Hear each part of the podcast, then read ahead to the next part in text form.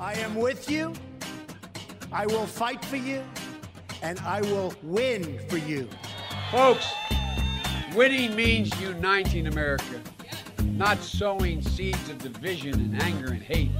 We got to beat Donald Trump, but we can't become like him. And we will make America great again. Een mysterieuze online beweging die talloze complottheorieën verspreidt, wordt populairder in Amerika. En aanhangers ervan kunnen binnenkort zelfs worden verkozen tot het congres. In deze aflevering van de Holland-Amerika-lijn gaan we het hebben over QAnon. Ik ben Victor Pak en in Washington DC zit Amerika-correspondent Emiel Kossen. Dag Victor. We gaan het dus hebben vandaag over QAnon. Dat is een complottheorie die inmiddels een flink aantal volgers heeft. Maar als ik je vraag het kort aan ons te introduceren, wat is het dan precies? Ja, QAnon, dat is een online beweging die uh, gestart is in 2017 ongeveer, uh, net na de, verkiezing van Trump. Um, en het idee wordt verspreid dat linkse politici, zakenlui, filmsterren uh, niet alleen Satan aanhangen, kindermisbruik goedkeuren, maar dat ze de hele wereld eigenlijk onder controle hebben. Um, en centraal staat het idee dat die mensen, dus die linkse kliek, niet blij is met president Donald Trump en samenspannen om hem tegen te werken. Uh, in een zogenaamde ondergrondse deep state.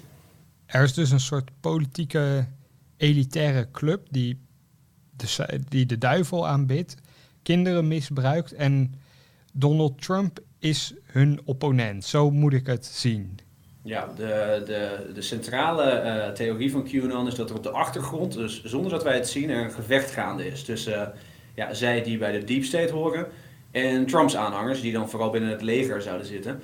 En um, wat we zien online is dat heel veel QAnon-aanhangers voorspellen dat er een storm aankomt. Uh, waarbij uiteindelijk duizenden van Trumps vijanden zouden worden opgepakt, in de gevangenis zouden worden gezet en uiteindelijk het Amerikaanse leger de controle over het land overneemt. En dat zien zij dus als een goed ding. Daar leidt de theorie uiteindelijk naartoe. Maar waar begon dit? Wanneer hoorde jij voor het eerst van, van QAnon? Online begon het met een gebruiker um, met de naam Q.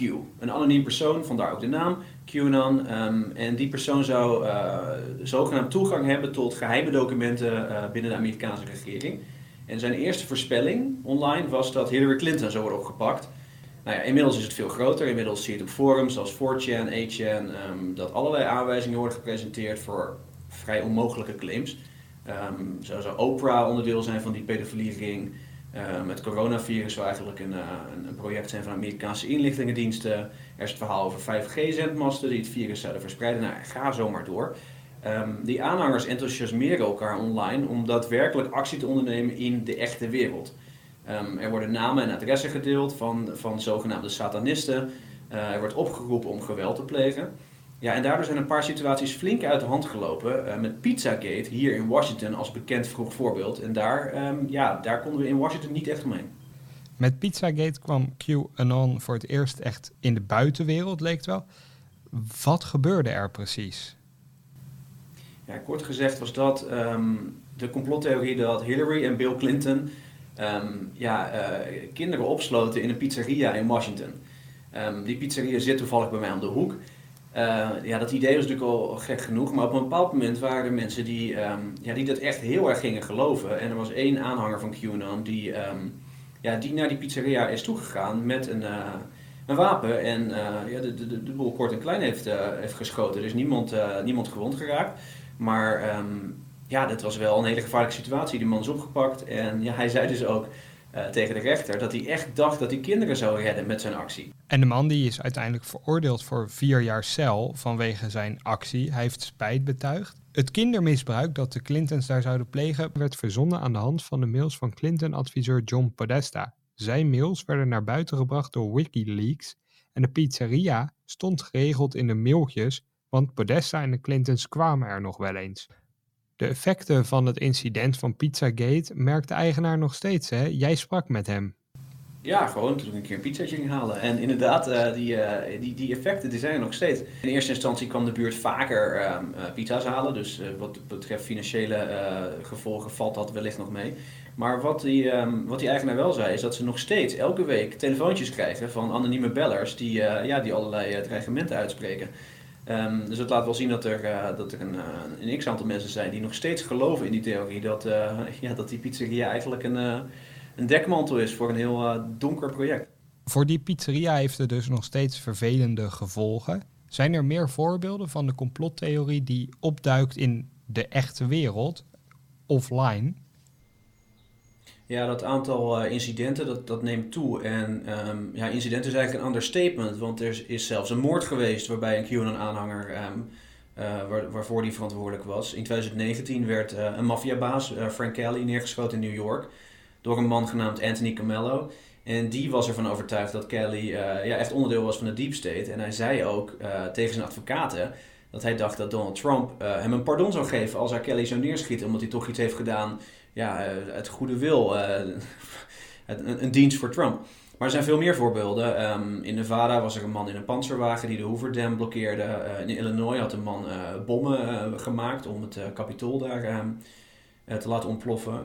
en, en onlangs nog, een paar weken geleden, was er in Canada een, een QAnon-aanhanger die um, geprobeerd heeft om Justin Trudeau's ambtwoning, dus de premier, binnen te dringen. Trudeau was er niet.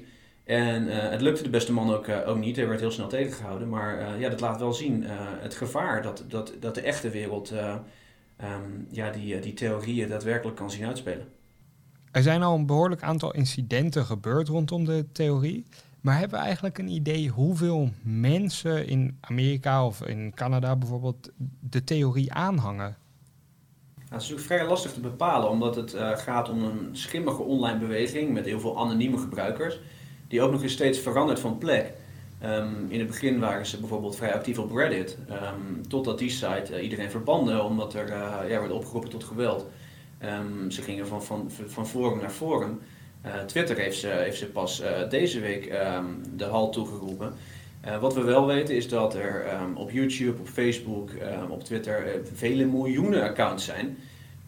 op YouTube zijn er bijvoorbeeld honderdduizenden video's van QAnon-aanhangers die dan weer miljoenen views hebben. Um, dus dat groeit en dat kunnen we zien. En uit een peiling van Pew Research uh, blijkt dat ongeveer een kwart van Amerika ook bekend is met QAnon. Kijk, dat zegt natuurlijk niet dat ze allemaal aanhangers zijn, maar wel dat uh, ja, die theorie uh, steeds wijdverspreider wordt. Inmiddels staat het zelfs op de radar van de Binnenlandse Veiligheidsdiensten ook.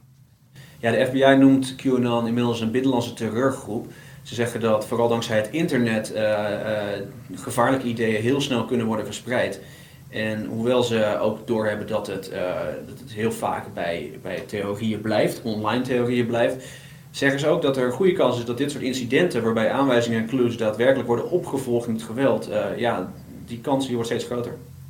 De theorie heeft ontzettend veel vertakkingen en de FBI is er dus heel, zeer waakzaam op. Toch zoekt de president af en toe nadrukkelijk een soort contact met, met de beweging. Hij uh, retweet berichten van de beweging op Twitter. Zijn zoon haalt de beweging ook wel eens aan. Hoe is de verhouding precies tussen Trump en de QAnon-beweging? Nou, Trump is slim genoeg om er geen uh, directe uitspraken over te doen. Maar het klopt wel dat, dat de, theorie van QAnon langzaam wordt genormaliseerd in hoge Amerikaanse kringen. Um, je ziet dat conservatieve media, um, dus de media die op de hand zijn van Trump, uh, geregeld aandacht geven aan de beweging en hun claims. Um, je ziet dat die QAnon-aanhangers uh, openlijk rondlopen op Trump-rallies. En het klopt dat mensen rond Donald Trump en zelfs Trump af en toe zelf um, uh, dingen retweeten die, die te maken hebben met de, met, met de beweging. Um, dat zijn dan vooral claims die ze, die ze goed uitkomen. Het, het idee van de, van de deep state, daar, daar praat Trump al langer over, al voordat QAnon er überhaupt was. Dus het komt vrij goed uit dat hij, dat hij daar een, uh, een graantje erbij kan meepikken. En wat we nu de afgelopen tijd zien is dat een aantal hoge figuren QAnon ook daadwerkelijk openlijk steunen. Um, zoals oud-veiligheidsadviseur um, Michael Flynn, die plaatste op 4 juli een video op Twitter waarin hij um, ja, de eed van QAnon aflegt met de woorden uh, Where we go one, we go all. Een, een, een, uh, een, een motto, een strijdmotto. Wat opvallend is, is dat de theorie ook heel veel zaken uitlegt op een manier die positief uitkomen voor de president. Donald Trump had contacten met Jeffrey Epstein, de overleden kindermisbruiker. De ex-vriendin en handlanger van Epstein, die zit nog altijd vast. QAnon-aanhangers die leggen Trumps banden met Epstein uit als een soort geheime missie van Trump die al jaren gaande zou zijn. Hij zou dat pedofilie-netwerk rondom Epstein aan het ontmantelen zijn. En daar zien we nu op dit moment de gevolgen van. Terwijl jij daar eigenlijk naar kijkt als dat Trump, net als bijvoorbeeld Bill Clinton, gewoon contacten onderhield met een celebrity uit New York. Want zo stond Epstein toen nog bekend. Het is eigenlijk een soort spiegelpaleis waarin je feiten op verschillende manieren lijkt uit te kunnen leggen. Ja, dat is natuurlijk, er zijn heel veel kwesties die heel lastig te bewijzen zijn. En wat, um, wat complottheoristen vaak goed doen, is, een, is een, een deel van de waarheid gebruiken, een deel van de realiteit gebruiken om een argument te maken dat ja, dat, dat niet te bewijzen is en, en waarschijnlijk niet waar is. En dat is precies wat er hier gebeurt met, met Epstein. Um, en dat doen ze vaker. Dat hebben ze ook gedaan met het onderzoek van Robert Mueller. Dat werd dan um, zo gedraaid dat Mueller eigenlijk aan uh, de kant van Trump zou staan. Dat hij uh, dat onderzoek alleen maar als een soort van, uh, ja, van, van, van rookgordijn zou uitvoeren. En op de achtergrond met Trump zou vechten tegen de deep. Ja, dat zijn dingen die niet te zijn bewijzen. Um, maar als je uh, aan boord bent van QAnon, dan wil je dat waarschijnlijk heel graag wel geloven, omdat er dus delen in zitten um, die, die terugkomen in de realiteit, in de werkelijkheid. De complottheorie wordt ook steeds meer salonveeg. Bij de komende verkiezingen zijn er republikeinse kandidaten die openlijk lijken te verklaren dat ze in de theorie geloven, dat ze een aanhanger zijn van QAnon. Ja, de afgelopen weken hadden we uh, voorverkiezingen door het hele land. En um, ja, een flink aantal kandidaten die QAnon openlijk of misschien iets minder openlijk steunen, uh, staan in november ook daadwerkelijk op het kiesbiljet. Um, dus het zijn kandidaten die uh, in het Huis van Afgevaardigden terecht kunnen komen of in, zelfs in de Senaat.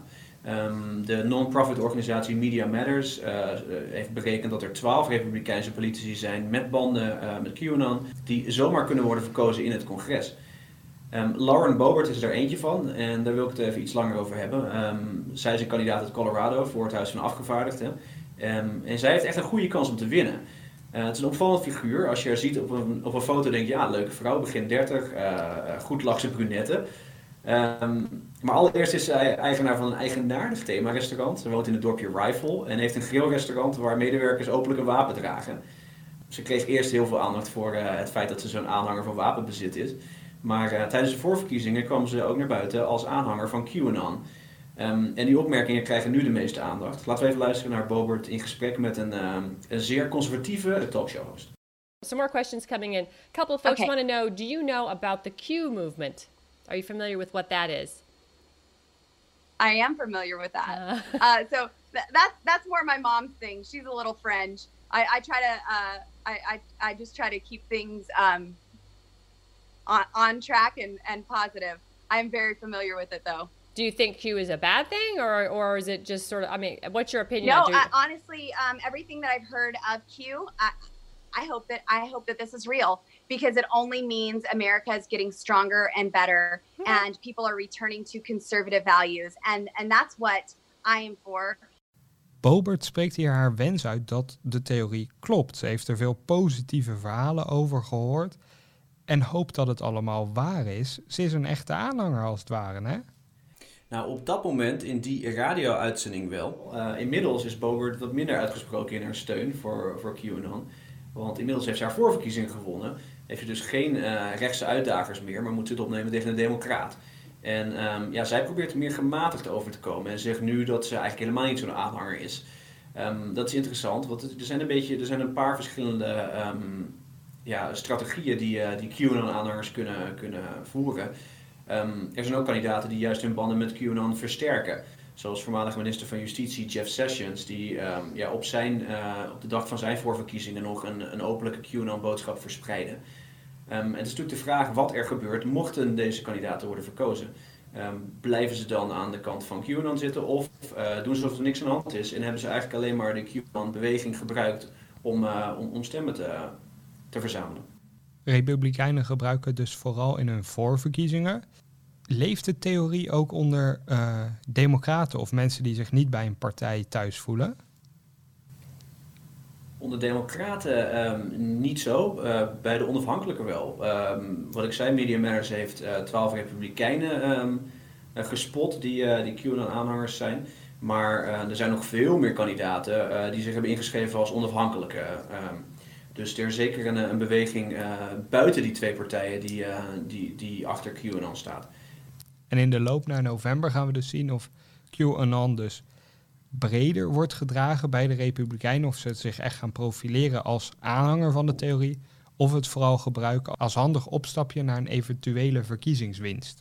Ja, ja, puur politiek gezien zijn de aanhangers van Q ehm, ja, gewoon een kiezersblok, zoals ieder ander die je ook wil aanspreken. Ehm, maar tegelijkertijd negeer je dan wel uh, ja, dat hele geweldselement waar we het over hebben gehad. En ehm, toch lijkt die normalisatie uh, vrij gevorderd. Tijdens die voorverkiezingen uh, stemden 600.000 Amerikanen op een QAnon-kandidaat, berekende de Washington Post. Um, dat toont niet per se aan dat al die mensen de complottheorie steunen, maar wel dat er blijkbaar geen reden meer is voor disqualificatie. Um, die republikeinse kandidaten zijn qua idealen verder vooral normale republikeinen. Die hebben het over een kleinere overheid, over um, minder, minder makkelijk abortusrecht, dus een pro-wapens. De grote vraag is natuurlijk wat zij doen als ze eenmaal in Washington zitten, als ze echt worden verkozen. Of ze dan beleid gaan voeren naar aanleiding van ja, de, de complottheorie van de dag. je kan je voorstellen dat het congres allerlei onderzoeken gaat uitvoeren die, die een complottheorie dan wel zouden bevestigen of ontkennen. Ja, of dat het allemaal wel meevalt en dat, ja, wat je zegt, dat die, dat die retoriek van nu echt vooral is om, om kiezers te trekken. QAnon is in zijn totaliteit een ontzettend bevreemdende theorie. Maar aan de andere kant vind ik het ook haast in een soort traditie van Amerikanen passen om het onmogelijke te denken of te onderzoeken. Um, we zien dit rondom 9-11, waarbij er ook nog steeds talloze Amerikanen zijn die niet geloven dat Al-Qaeda met vliegtuigen die torens heeft neergehaald. De dood van JFK, er zijn boeken volgeschreven, talloze films, documentaires. Wat is dat toch met Amerikanen en hun geloof in complottheorieën? Waar komt dat uit voort? Ja, dat is de, de million dollar question, zoals ze hier zouden zeggen. Uh, nou, wat je in ieder geval wel kan stellen is dat, dat complotdenken in Amerika echt teruggaat tot de koloniale tijd. Um, de eerste Britse kolonisten, uh, de groepen zeer religieuze um, kolonisten, die vielen eigenlijk meteen na aankomst naar Amerika uiteen. En die groepen die, die, die wezen met vingers naar elkaar dat uh, ja, die anderen toch echt duivels waren. En dat is echt, dat is echt de eerste groep kolonisten die, die, ja, die, die, die geloofden dus al in, in complotdenken.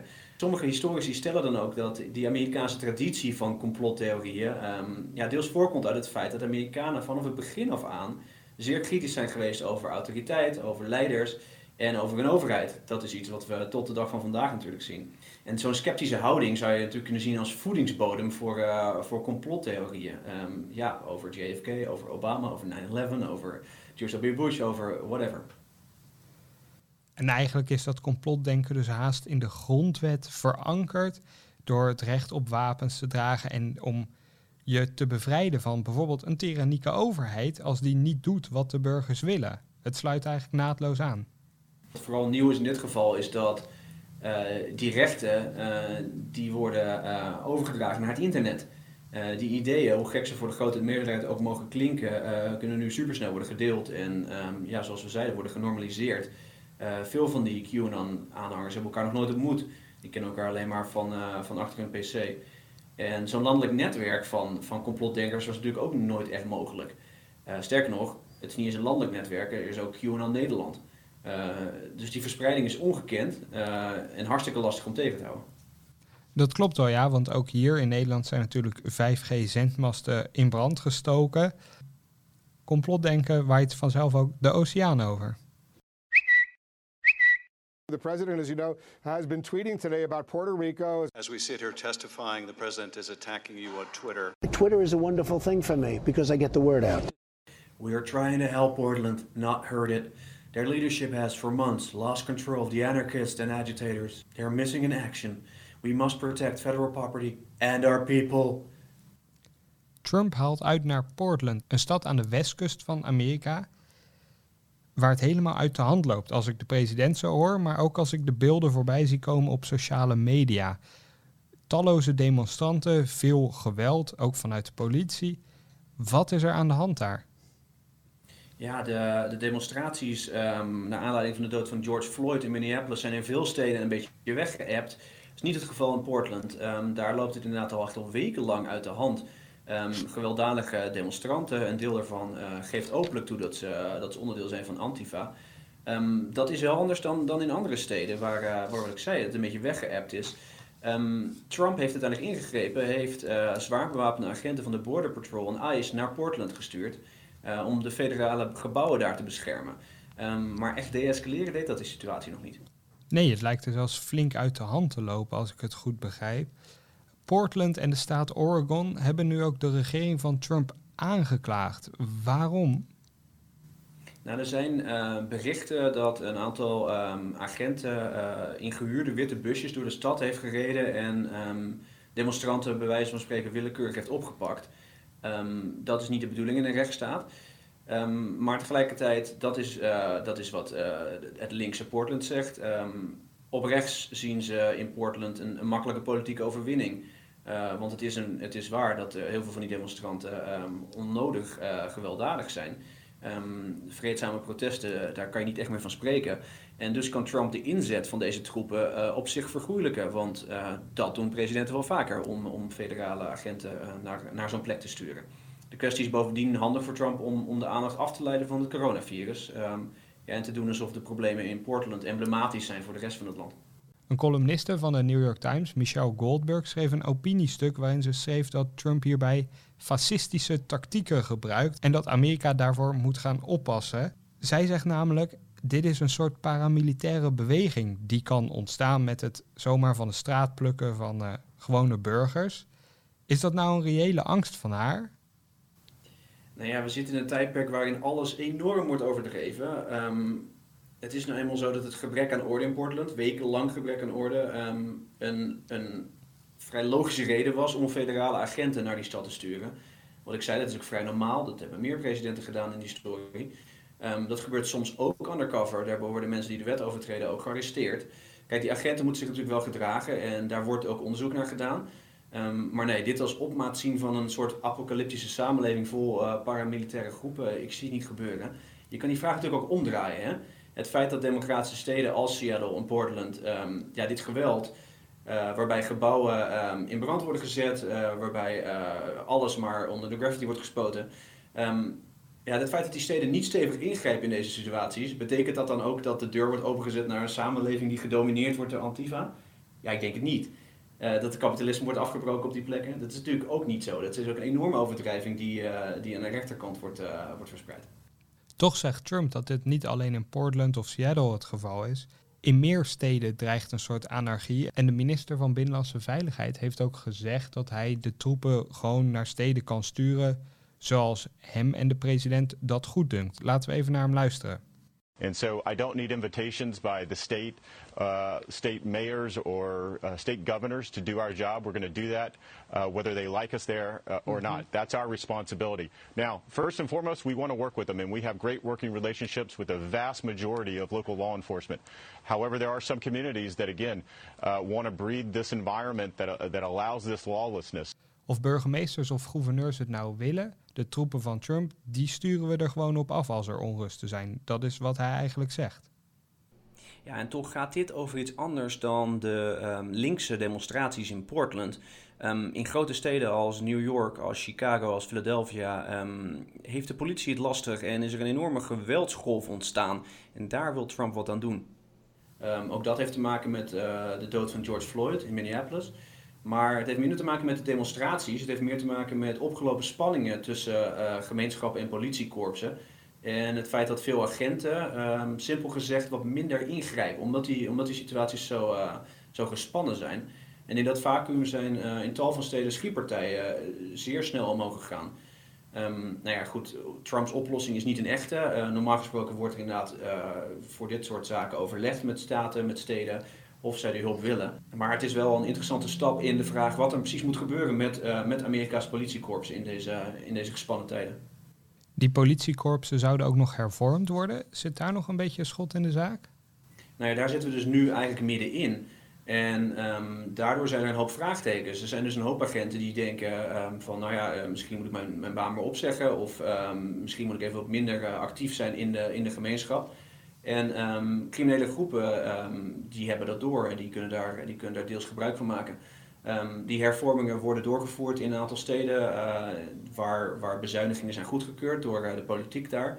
Ehm, op landelijk niveau is de kans dat er nog een wet komt uh, om, om politiehervormingen door te voeren. Ja, die kans is zeer afgenomen de afgelopen weken. Laatste vraag, waarom lukken die hervormingen niet? Nou, in het congres werd natuurlijk gesproken over een landelijke wet, een nationale wet voor um, politiehervormingen. Daar leek lange tijd um, ja, politieke wil voor te zijn bij de twee partijen. Maar in het Huis van Afgevaardigden, waar de Democraten de baas zijn, in de, in de Senaat, waar de Republikeinen de baas zijn, zijn twee verschillende wetten um, gevormd. En uh, ja, die twee groepen die kunnen het niet met elkaar eens worden. En dus lijkt er op landelijk niveau niks te gaan veranderen. Trump maakt dus gebruik van een machtsvacuum, maar van echte hervormingen is voorlopig nog geen sprake. Dit was de Holland-Amerika-lijn. Hartelijk dank voor het luisteren en graag tot de volgende keer.